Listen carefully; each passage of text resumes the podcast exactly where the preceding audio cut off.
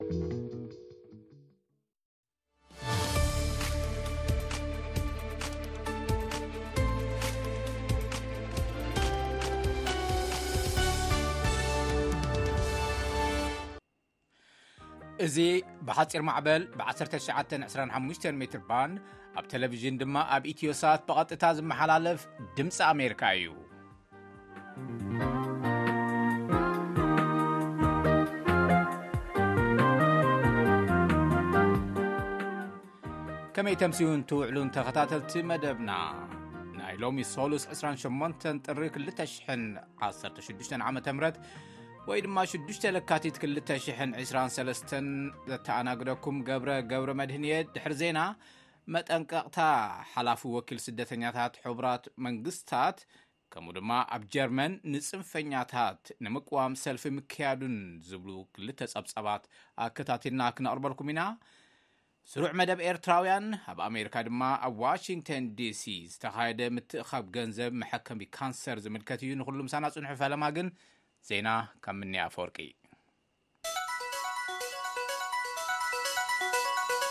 ደሓን ድምሲኹም ዝርዝር ዜና እነሆም ሰራዊት ፌደራል መንግስቲ ኢትዮጵያ ኣብ መራዊ ዝተባሃለ ከተማ ክልል ኣምሓራ ኣብ ገዛ ገዛ ብዝገበርዎ ተፍታሽ ንኣስታት ሓምሳ ሲቪላውያን ዜጋታት ምቕታሎም ንመሰኻኽር ዓይኒ ብምውካስ ሮይተርስ ኣስፊሩ እቲ ፍጻሜ ኣብ መንጎ ሓይልታት ፋኖን ሰራዊት ፌደራልን ድሕሪ ዝተኻየደ ኹናት ምግጣሙ እቶም ስሞም ክዕቀበሎም ዝሓተቱ ምንጭታት ንሮይተርስ ሓቢሮም ኣለዉ። ዕጡቓት ፋኖ ነታ ከተማ ድሕሪ ምልቃቖም ሰራዊት ፌደራል ገዛ ገዛ እናኸዱ ነቲ ኣልማማ ቐትለት ምፍጻሞም መሰኻኽር ይገልጹ። ኣገልግሎት ዜና ሮይተርስ ኣብዚ ጉዳይ ካብ ሰራዊት ምክልኻል ኢትዮጵያን ክልል ኣምሓራን ግብረ መልሲ ንምርካብ ዝገበሮ ጻዕሪ ኣይሰመረን።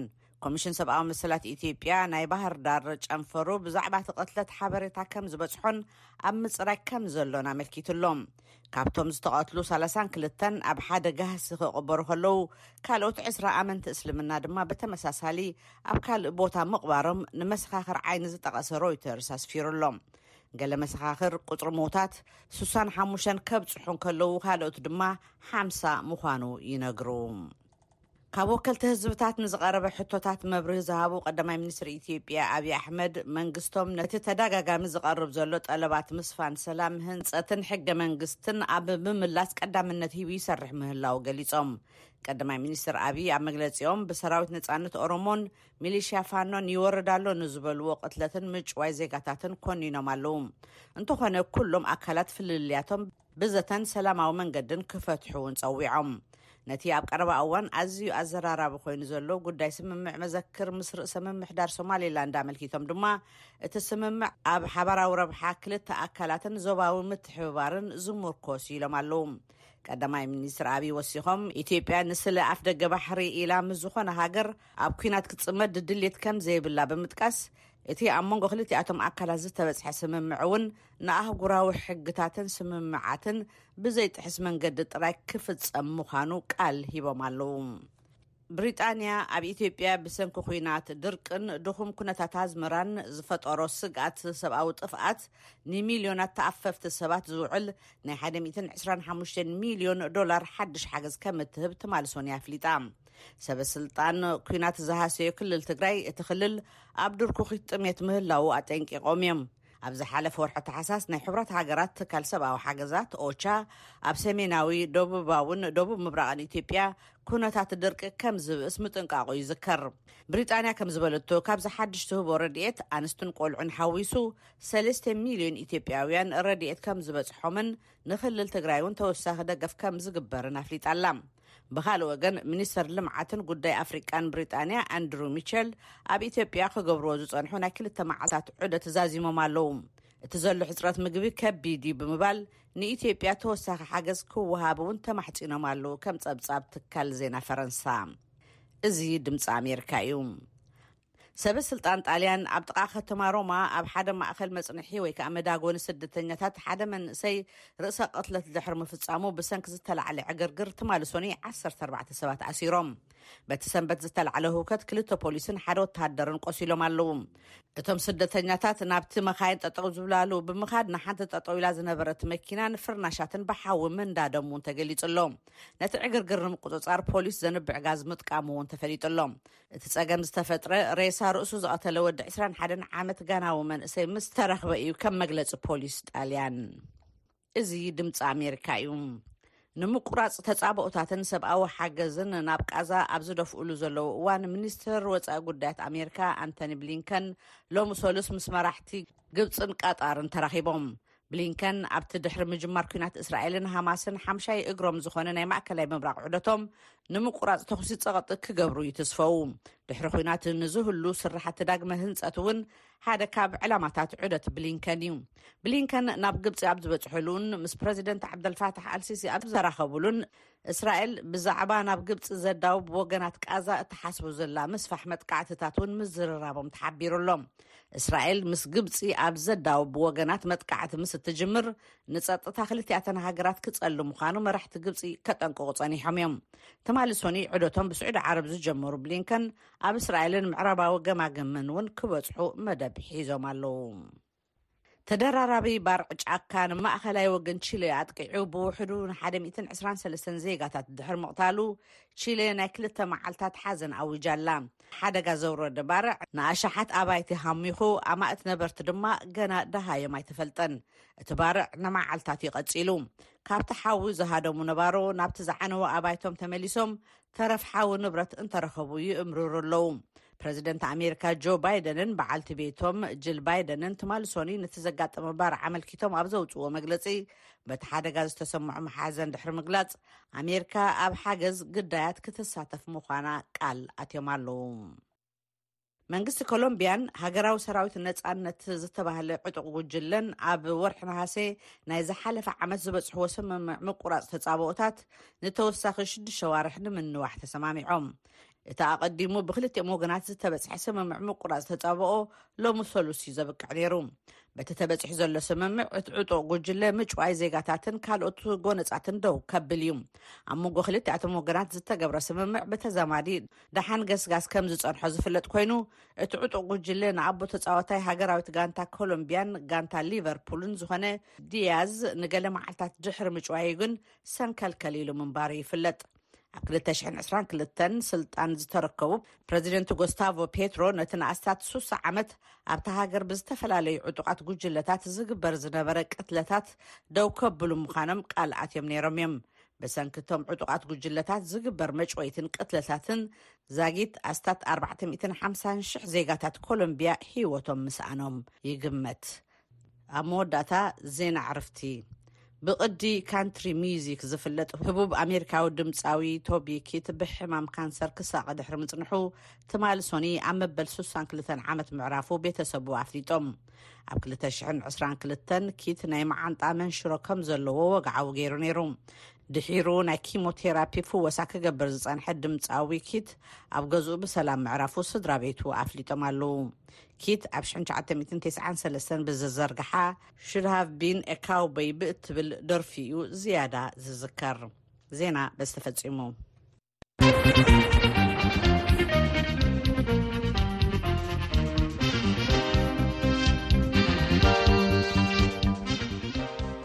እዚ ድምፂ ኣሜሪካ እዩ ናብ ፈላማይ ፀብፃብ ክንሓልፍ ኣብ ሱዳን ዘሎ ቅልውላው ቀልጢፉ ዕልባት እንተ ዘይረኺቡ ዋሕዚ ሓደስቲ ስደተኛታት ንሃገራት ኣውሮፓ ከዕለቕልቐን ይኽእል እዩ ክብል ወኪል ስደተኛታት ሕቡራት መንግስታት የጠንቅቕ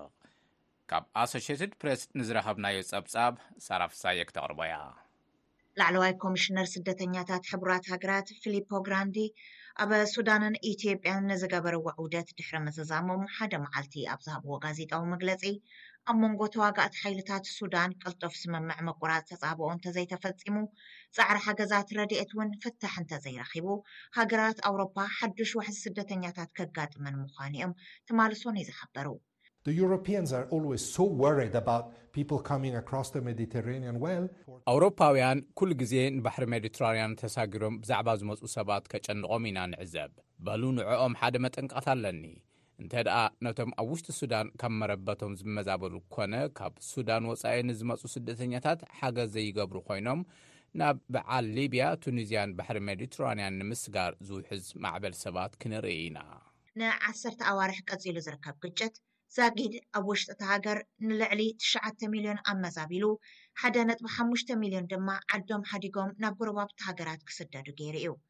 ከም ሓበሬታ ግራንዲ፣ ቻድ፣ ሪፐብሊክ ማእኸላይ ኣፍሪካ፣ ደቡብ ሱዳንን ኢትዮጵያን ዝበላ መብዛሕትኣን ጎረባብቲ ሃገራት ሱዳን ነናይ ባዕለን ዘይምርግጋኣት ዘለወን ብምዃኑ ንኻልኦት ስደተኛታት እኹል ምትሕብባር ክገብራ ዘኽእለን ቁመና የብለንን።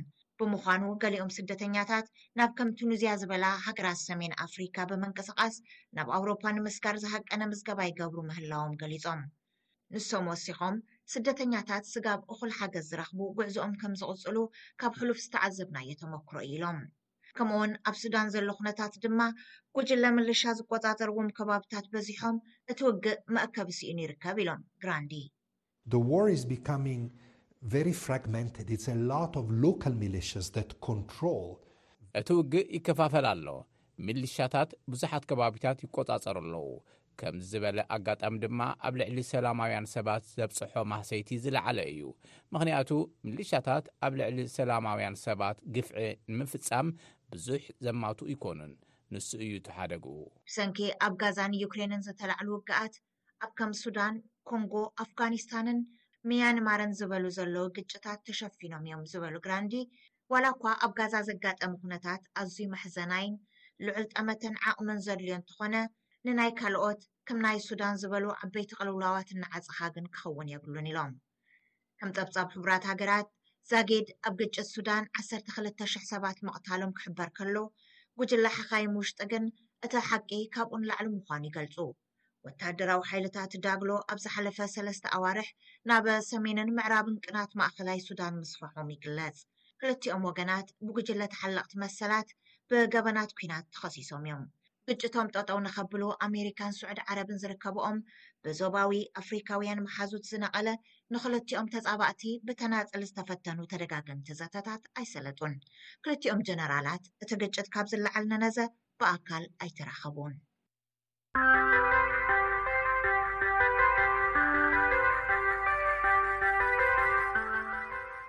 ናብቲ ካልኣይ ጸብጻብ ክንሓልፍ ዓሰርተታት ኣሽሓት ጀርመናውያን ነቶም የማናይ ጽንፈኛታት እታ ሃገር ንምቅዋም ኣብዚ ሳልስቲ እዚ ናብ ጎዳናታት ወፂኦም ነይሮም ንሳቶም ናብቲ ሰልፊ ዝወፁ ኣባላት ፓርቲ የማናይ ክንፊ ኣማራፂ ንጀርመን ኣብ ሓደ ምስጢራዊ ኣኼባ ንጀርማናውያን ዘግነት ዝሓዙ ሰባት ከይተረፈ ኣስገዳድ ምዝውዋር ስደተኛታት ዝፍጸመሉ ኣገባብ ድሕሪ ምዝርራቦም እዩ። ወኪልና ሄነሪ ሬጅወል ንዝላኾ ሪፖርት በትረ ስልጣን ከቕርቦ እዩ። ኣብ ጥቓ ፓርላማ ጀርመን ዝተኣኻኸቡ ኣስታት ሚእትን ሓምሳን ሽሕ ጀርመናውያን፣ ዝሓለፈ ቀዳም ኣብ ልዕሊ የማናይ ጸግዒ ጽንፈኛነት ዳርጋ መከላኸሊ ሓጸር'ዮም ሃኒጾም። ዕላማ ዝገበርዎ ድማ ፓርቲ የማናይ ክንፊ ኣማራጺ ጀርመን ዝተባህለ ፓርቲ እዩ። ነባራት ፖለቲካውያን ጀርመን እውን ኣብቲ ሰልፊ ናይ ተቓውሞ ተሳቲፎም ነይሮም። ኣደ መንበር ፓርቲ ሶሻል ዴሞክራቲክ ፓርቲ ሰስኪያ ኤስከን ሓንቲ ካብኣቶም እያ። ኤኤፍዲ ወይ ከኣ የማናይ ክንፊ ኣማራጺ ንጀርመን ኣብዛ ሃገር እዚኣ ፈጺሙ ስልጣን ኣይክሕዝን እዩ። ኣብ ልዕሊኡ ንጹር መርገጺ ክንወስድ ኢና። ኮረክቲቭ ዝተባህለ መርበብ ሓበሬታ፣ ፓርቲ ኤኤፍዲ ንጀርመናውያን ሓዊስካ ስደተኛታት ካብ ጀርመን ኣገዲድካ ምውጻእ ዝከኣለሉ ኣገባብ ዝሓለፈ ሕዳር ጥቓ በርሊን ኣብ እትርከብ ከተማ ፖስዳም ከምዝተዘራረቡ ኣቃሊዑ ነይሩ። ሓላፊት እቲ መርበብ ሓበሬታ ጄነት ጉስኮ፣ እቶም ተደናገጽቲ ናዚ፣ ለገስቶምን ኣባላት ፓርቲ የማናይ ጽንፊ ኣማራጺ ንጀርመንን፣ ሚልዮናት ሰባት ካብ ጀርመን ዝስጎጉሉ ኣገባብ ከምዝተዘራረቡሉ ትዛረብ። ከም ናታ ገምጋም፣ እዚ ኩነታት እዚ ኤኤፍዲ ናብ ስልጣን ዝድይበሉ ጎደና ክኾን ከም ዝኽእል እውን ትግምግም። መራሒ ጀርመን ቻንስለር ኦላፍ ሻልዝ ነቲ ናይ ተቓውሞ ሰልፊ ደጊፎም ተዛሪቦም ኣለው። Wenn etwas in Deutschland nie wieder Platz haben darf. ኣብ ጀርመን ተመሊሱ ባይታ ክረክብ ፈጺሙ ዘይግባእ ነገር ኣሎ እንተኾይኑ፣ ኣተሓሳስባት ናዚ እዩ በቶም ጽንፈኛታት ዝተዘረበሉ ኣስገዳድ ምብራር ሰባት ሓደ መርኣያ እቲ ኣተሓሳስበኦም እዩ። መራሒት ፓርቲ AFD ኣሊስ ዊደል ግና ነቲ ይቃላሕ ዘሎ ድምጺ ተቓውሞ ወፍሪ ጸጋማውያን እዩ ክትብል ትነጽጎ። Die wahren Verfassungsfeinde sind jene, die nach. ሓቀኛ ፀላእቲ ሕገ መንግስቲ እቶም ፖለቲካዊ ፓርትታት ክእገዱ ኣለዎም በሃልቲ እዮም። ዘቕንዙ ታሪኽ ጀርመን ኣብ ትሕቲ ኣዶልፍ ሂትለርን ናዝያውያንን እታ ሃገር ንኣተሓሳስባ የማናይ ፅንፈኛታት ኣዝያ ተዃሳሒት ገይርዋ ኣሎ። ፓርቲ ኤኤፍዲ ንክእገድ ዝቃላሕ ድምፂ እውን እናዓበየ ይመፅእ ኣሎ። ኣብ ዩኒቨርሲቲ ኮቨንትሪ ፖለቲካዊ ሳይንስ ዝምህር ማት ክሩፐር ከምዚ ይብል። ብመንጽር ጀርመን ኣስገዳድ ምዝውዋር ሰባት ካብ ሓደ ስፍራ ናብ ካልእ ስፍራ ዝፍለጥ እዩ። ሓቂ ንምዝራብ ጀርመናውያን ኣየዋጽኦምን እዩ። ዓንቀጽ 21 ሕገ መንግስቲ ጀርመን ንዴሞክራሲያዊ ስርዓት ጀርመን ዝዘርግ ዝኾነ ተግባር ዘይሕገ መንግስታዊ እዩ ይብል። ሚኒስትሪ ፍትሒ ንሓደ ፓርቲ ናብ ላዕለዋይ ቤት ፍርዲ ዝወስደሉ ኣገባብ እውን ንጹር እዩ።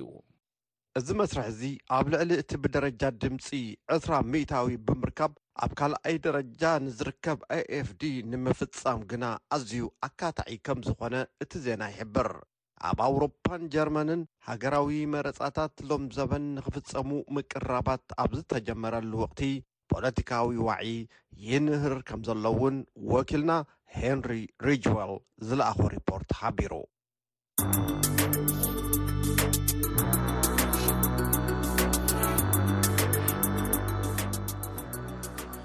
እዚ ካብዚ ካብ ዋሽንግተን ዲሲ ዝመሓላለፍ ዘሎ ድምፂ ኣሜሪካ እዩ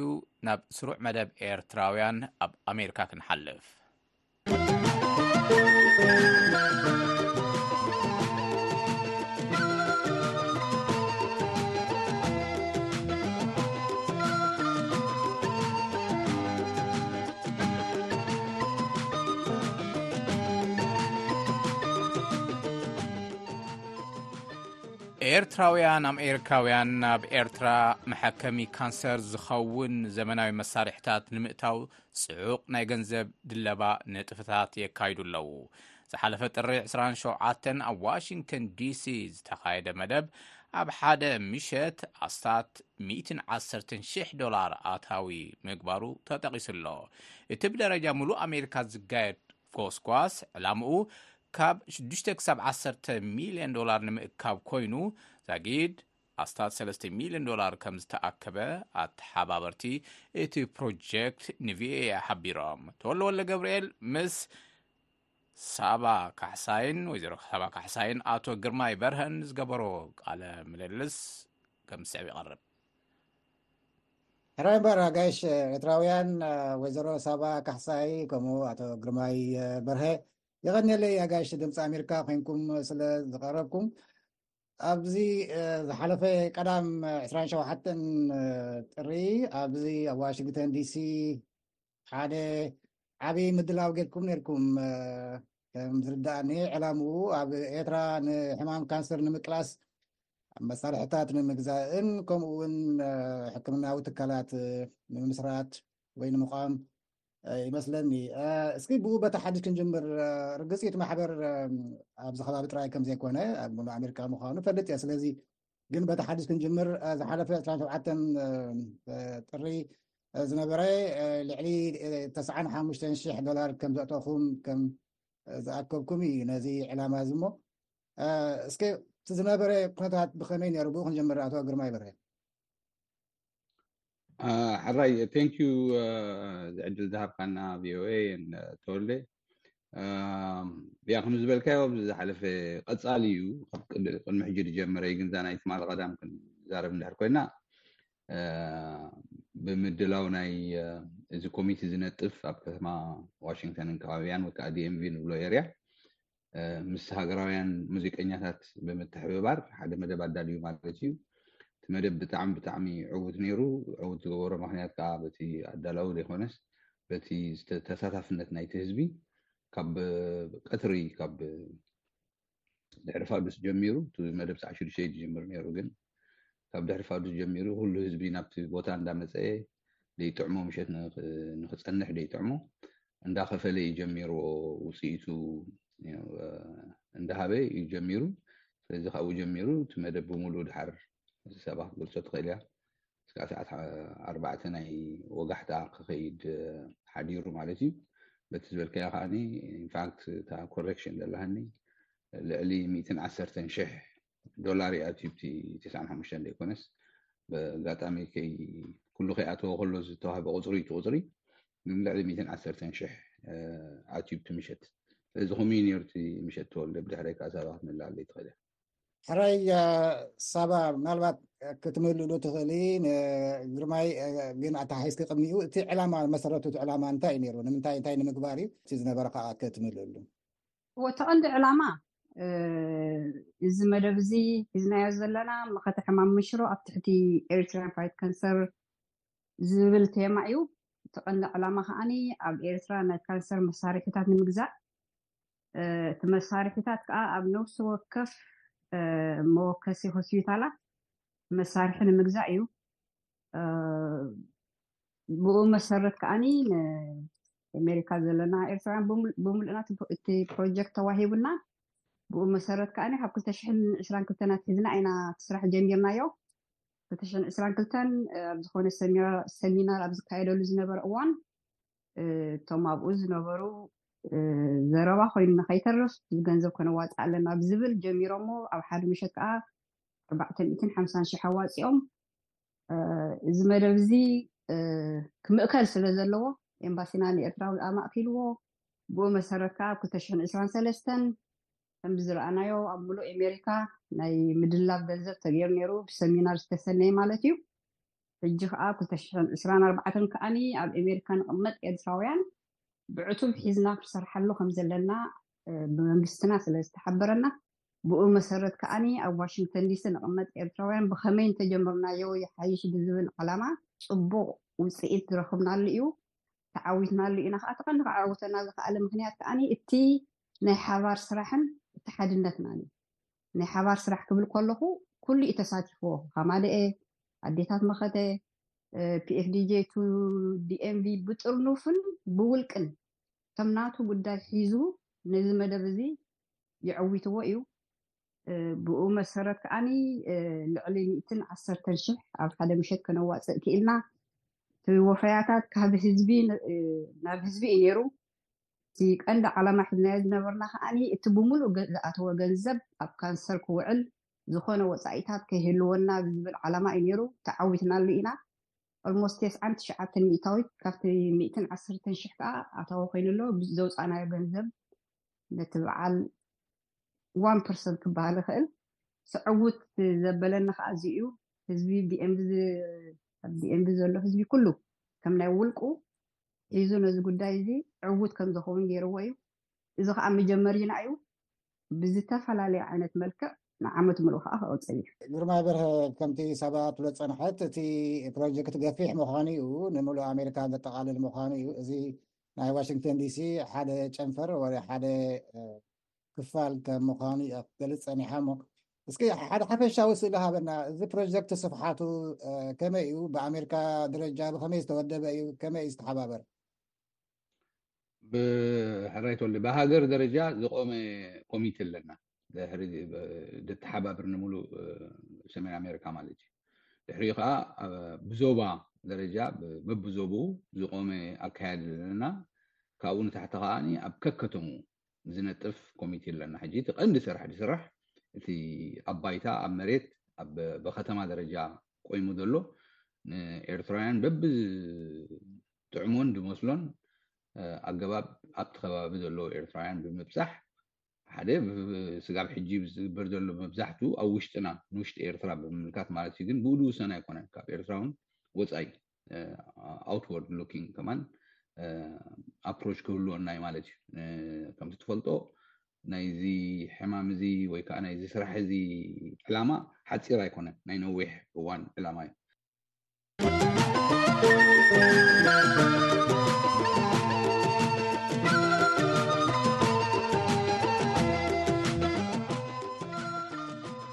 ንወይዘሮ ሳባ ካሕሳይን ኣቶ ግርማይ በርሀን ነመስግን እዚ ቃለ መጠይቕ ንፈነወ ብዝጥዕም ኣሕፂርና ኢና ኣቕሪብናዮ ዘለና ሙሉእ ትሕዝቶ ግን ኣብ መርበብ ሓበሬታናን ማሕበራዊ ገፃትናን ክትረኽብዎ ኢኹም እዚ ካብዚ ካብ ዋሽንግተን ዲሲ ዝመሓላለፍ ድምፂ ኣሜሪካ እዩ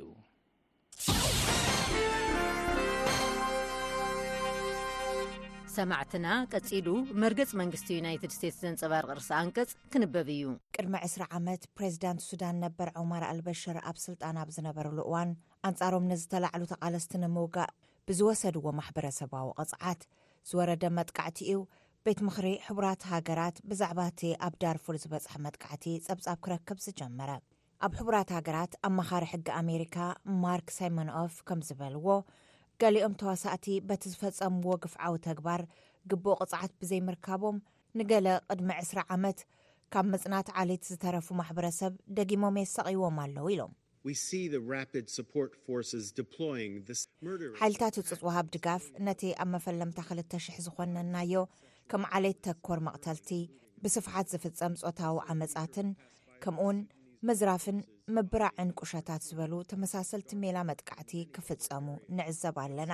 ከምኡውን እቲ ኣብ ቀረባ ብወተሃደራዊ ሓይሊ ሱዳን እተፈጸመ ደብዳባት ኣብ ካርቱም፣ ኣብ ከባቢ ዳርፉርን ካልኦትን ንስቪላውያን ዝያዳ ንሓደጋ ዘሳጥሐ እዩ እዮም ዝበሉ። ሓይልታት ወሃብ ድጋፍን ምስኣቶም ርክብ ዘለዎም ምልሻ ዓረብን ነቶም ዓረባዊ ዓሌት ዘይብሎም ጉጅለ ብፍላይ ድማ ንማሕበረሰብ ማሳሊት ዒላማ ዝገበረ መጥቃዕቲ ይፍጽሙ። ሓይልታት ወሃብ ድጋፍ ምስ መሻርኽቶም ብምጥማር ናብቲ ማሕበረሰብ ኣትዮም ንደቂ ተባዕትዮ ይሃድኑ። ተስፋ ቖሪጾም ገዛውቶም ሓዲጎም ንዝስደዱ ሰባት ብኣልማሚት ይትኩስሎም። ነቲ ዋጋ ዘውጽእ ንብረቶም ይዘርፍዎ። እቲ ዝተረፈ ድማ ብሓዊ የንድድዎ። ሳይመኖቭ ኣብ ሱዳን ኣብ ልዕሊ ደቂ ኣንስትዮን ኣዋልድን ኮነ ኢልካ ብ ስርዓት ዝፍጸም ጾታዊ ዓመጽ ከም ሰብኣዊ ፍጡር ዘጸይፍ እዩ ክብሉ ኣስሚሮምሉ። ጸብጻባት ከም ዝሕብርዎ ኣብ ምሉእ ዳርፉር፣ ካርቱምን ካልኦት ብዙሓት ከተማታትን ቁሸታትን ደቂ ኣንስትዮ ኣብ ገዛውተን ይዕመጻ ወይ እውን ካብ መገዲ ተጨውየን ንጉጅለኣዊ ምዕማጽን ውልቀን ከም ዝሳጥሓ የርእዩ። መሰኻኽር ዓይኒ ኣእዳወን ዝተኣሰራ ደቂ ኣንስትዮ ኣብ ናይ መኪና ድሕሪት ተጻዒነን ናብ ዳርፉር ገጸን ክውሰዳ ምርኣዮም ይምስክሩ። ካብዚ ብምብጋስ ኣብ ሱዳን ፍትሒ ንምንጋስ ኣሜሪካ ኣብ እዋን መሪሕነት ዑማር ኣልበሽር ሚኒስትር ውሽጣዊ ጉዳያት ንዝነበሩ ኣሕመድ ሃሩን ኣብ ትሕቲ ተደለይቲ ገበናት ኲናት ናብ ፍርዲ ንምቕራብ ዘተኣላልሽ መደባ ተደላይ ክትብል ከም ዝሰየመቶም ሳይመን ኦፍ ይዛረቡ። በዚ ፕሮግራም ኣቢላ ኣሜሪካ ሃሩን ብገበናት ኲናት ወይ እውን ገበናት ኣንጻር ሰብኣውነት ናብ ኣይሲሲ ንምቕራብ ዝርከብሉ ቦታ ንዝሓበረ ስጋብ 5 ሚልዮን ዶላር ዝበፅሕ ሽልማት ክትከፍል እያ ሳይመን ኦፍ ወሲኾም ሰበስልጣን ሱዳን እውን ንጉጅለ ልኡኽ ዓለም ለኸ ቤት ፍርዲ ገበናት ብዘይ ዕንቅፋት ናብ ሱዳን ኣትዩ ንወሰንቲ መሰኻኽሪ ዓይኒ ክረክብ ከፍቅዱን ከምኡውን ንሃለዋት ዖማር ኣልበሽር ሃሩንን ዓብዳልራሒም ሓሰንን ዝቐረበሎም ሕቶ መልሲ ክህቡ ይግባእ ኢሎም። ሰላምን ፍትሕን ኣብ ሱዳን ንምንጋስ ጻዕሪ ማሕበረሰብ ዓለም ከም ዘድሊ ዝገለጹ ሰምኖፍ ሰባት ንዝፍጽምዎ ጥፍኣት ብዘይቅጽዓት ዝነብርሉ ኩነታት ንኸይቕጽል ቅልጡፍ ስጉምቲ ክንወስድ ይግባእ ንሱ መጥቃዕቲ ንክቕጽል ዝገብር ስለ ዝኾነ ብምዃኑ ነቲ ዘሎ ሰብኣዊ ቕልውላው ኣብ ምፍታሕ ህዝቢ ሱዳንን ሰላም ዝዓሰሎ ትምኒት መጻኢኡን ንምግሃድ ክንሕግዞ ይግባእ ኢሎም። ዝሰማዕኩምዎ መርገጽ መንግስቲ ዩናይትድ ስቴትስ ዘንጸባርቕ ርእሲ ኣንቀጽ እዩ። ድምፂ ኣመሪካ ኣገልግሎት ቋንቋ ትግርኛ ካብ ሶኒ ክሳብ ዓርቢ ዝተፈላለዩ መደባት ኣብ ቀዳመ ሰናብቲ ድማ ኣብ ሓደ እዋናዊት ዛዕባ ዘተኩር ፍሉይ ምድላዋት ይቐርብ ቀጥታዊ ፈንውና ምስ ዝሓልፈኩም ኣብ ዝጥዕመኩም ግዜ ኣብ መርበብ ሓበሬታን ማሕበራዊ ገጻትናን ተመሊስኩም ክትከታተልዎ ከም እትኽእሉ ነዘኻኽር ብዘይካዚ ኣብ መደባትና ዘለኩም ርእቶ ንክትልእኹልና ንዕድም ኣለና ድምፂ ኣመሪካ መደብ ቋንቋ ትግርኛ